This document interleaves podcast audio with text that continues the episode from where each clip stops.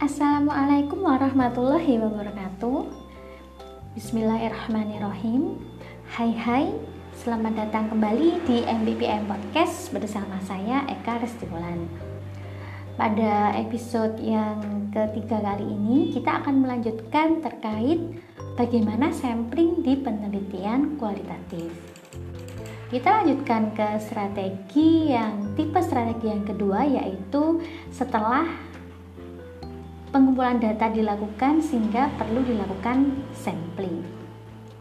Ada tiga strategi. Yang pertama disebut opportunistic sampling, yaitu ketika kita mengambil suatu keuntungan di mana suatu kasus itu terungkap. Kemudian ada snowball sampling, yaitu merupakan seperti yang di penelitian kuantitatif kemarin, yaitu dilakukan untuk kita mampu menemukan seseorang untuk uh, seseorang atau lokasi penelitian untuk kita teliti dari orang dari sampling yang sudah kita peroleh sebelumnya. Kemudian yang ketiga yaitu confirming atau disconfirming sampling yaitu tujuannya ketika kita ingin mengeksplor kita ingin memperoleh suatu konfirmasi atau ketidakkonfirmasian dari suatu kasus kita uh, coba bahas tipe uh, yang pertama yaitu opportunistic sampling. Nah, setelah pengumpulan data dimulai, kamu mungkin menemukan bahwa kamu perlu mengumpulkan informasi yang baru untuk menjawab pertanyaan penelitian kamu. Nah, ini merupakan salah satu karakteristik dari penelitian kualitatif yaitu kita bisa merubah desainnya itu sewaktu-waktu berdasarkan kebutuhan dari dari penelitian. Nah, pengambilan sampel oportunistik ini dilakukan secara sengaja setelah penelitian itu dimulai. Tujuannya kembali lagi untuk mengambil keuntungan dari peristiwa yang sedang berlangsung dan ternyata itu membantu untuk menjawab pertanyaan penelitian. Nah, tentunya dalam proses ini sampel muncul di tengah-tengah penelitian kan, di tengah-tengah pada saat pengambilan data. Nah, para peneliti namun para peneliti ini perlu berhati-hati dalam uh, keterlibatannya dalam membentuk pengambilan sampel ini karena dimungkinkan bisa mengalihkan perhatian dari tujuan asli penelitian.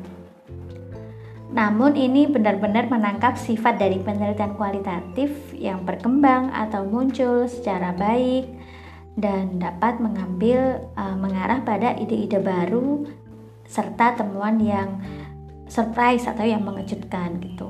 Misalkan kamu memulai studi dengan mengambil sampel dengan cara maksimal variation pada siswa bergaya kognitif independen dan field independent di SMP.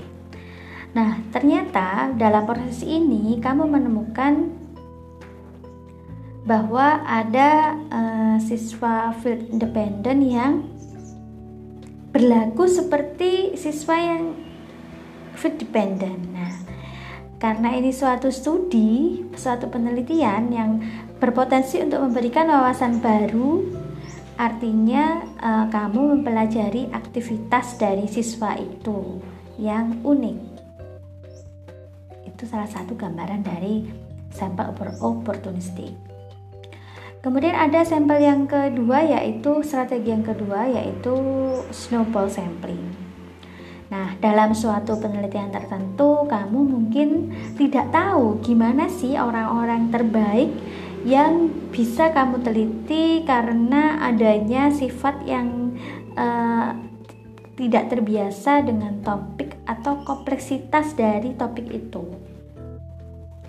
Nah, seperti dalam penelitian kuantitatif, pengambilan snowball sampling ini dalam penelitian kualitatif berbentuk pengambilan sampel bertujuan yang biasanya dimulai setelah penelitian dimulai. Benar ya? Maksudnya itu ya, e, ketika kalian sudah melakukan pengambilan sampling di awal, kemudian di tengah-tengah ingin mengambil sampling dengan bola salju. Nah, hal ini terjadi ketika peneliti meminta peserta untuk merekomendasikan individu lain agar dijadikan sampel.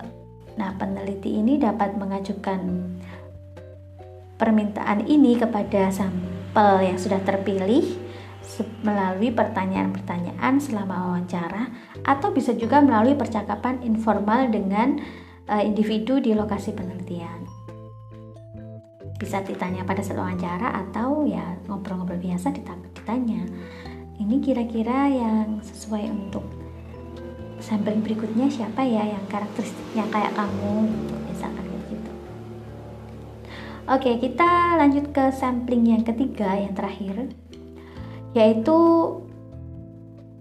discon uh, confirming disconfirming sampling nah Bentuk akhir dari pengambilan sampel pertujuan itu ada salah satunya yaitu ini, confirming disconfirming sampling.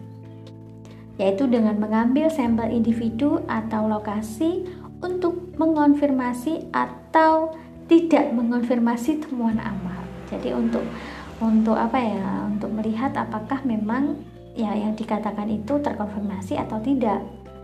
Memang seperti itu atau tidak. Nah, strategi ini digunakan selama penelitian untuk menindaklanjuti kasus-kasus tertentu dalam rangka menguji atau mengeksplorasi temuan spesifik lebih lanjut. Meskipun demikian, eh, pengambilan sampel ini sangat berfungsi untuk memverifikasi keakuratan penelitian sepanjang uh, sepanjang penelitian. Sama aja kayak keabsahan data gitu loh misalnya Anda uh, ada beberapa contoh, ada satu contoh ini. Misalkan kamu ingin mengetahui bagaimana seorang guru itu menjadi mentor yang baik kepada siswa. Nah, pada awalnya Anda bisa mewawancarai siswa satu. Nah, untuk mengonfirmasi peran pendampingan guru itu, kita bisa mengambil sampel lagi dengan mewawancarai siswa yang lain. Itu salah satu contoh confirming, disconfirming sampling.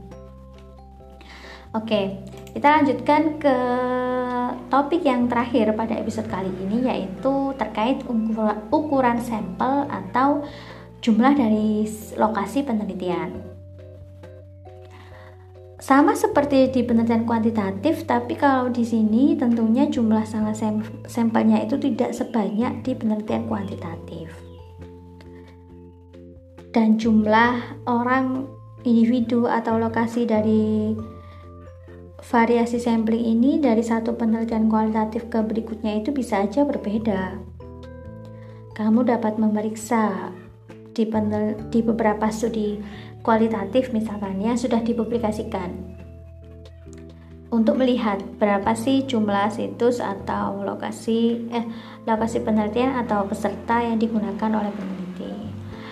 Nah, saya akan memberikan beberapa pedoman umum saja untuk menentukan ukuran sampel dan juga jumlah dari lokasi penelitian.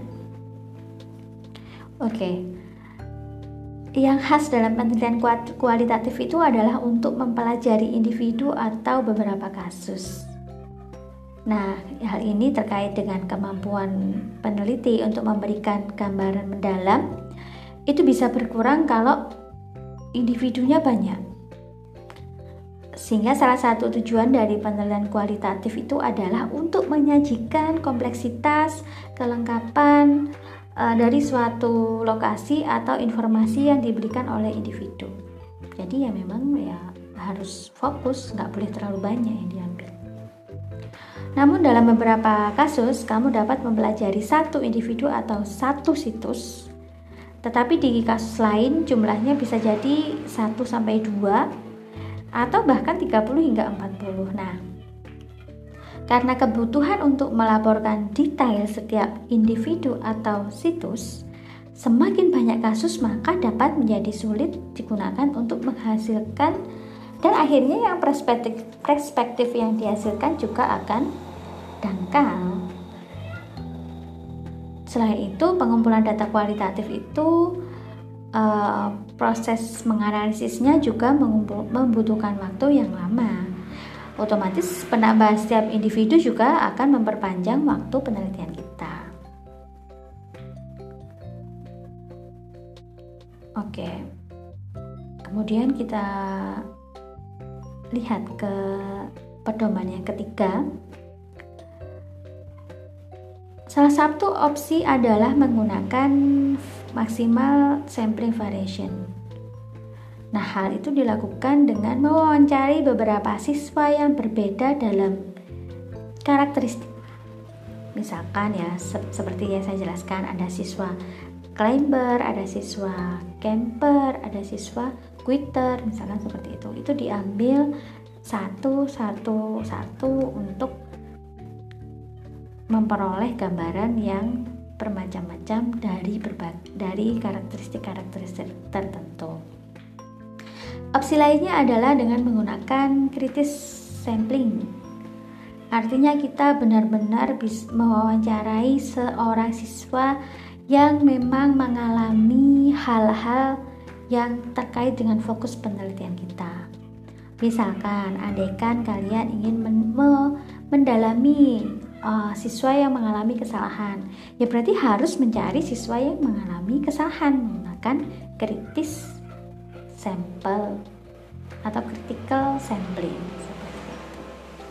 Oke, cukup sekian untuk episode kali ini.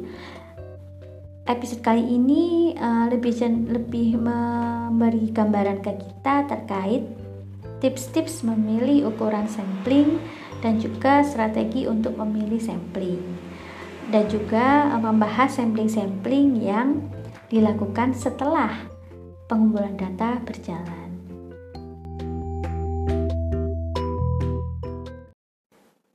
Oke, sampai jumpa di episode berikutnya ya. Bye. Wassalamualaikum warahmatullahi wabarakatuh.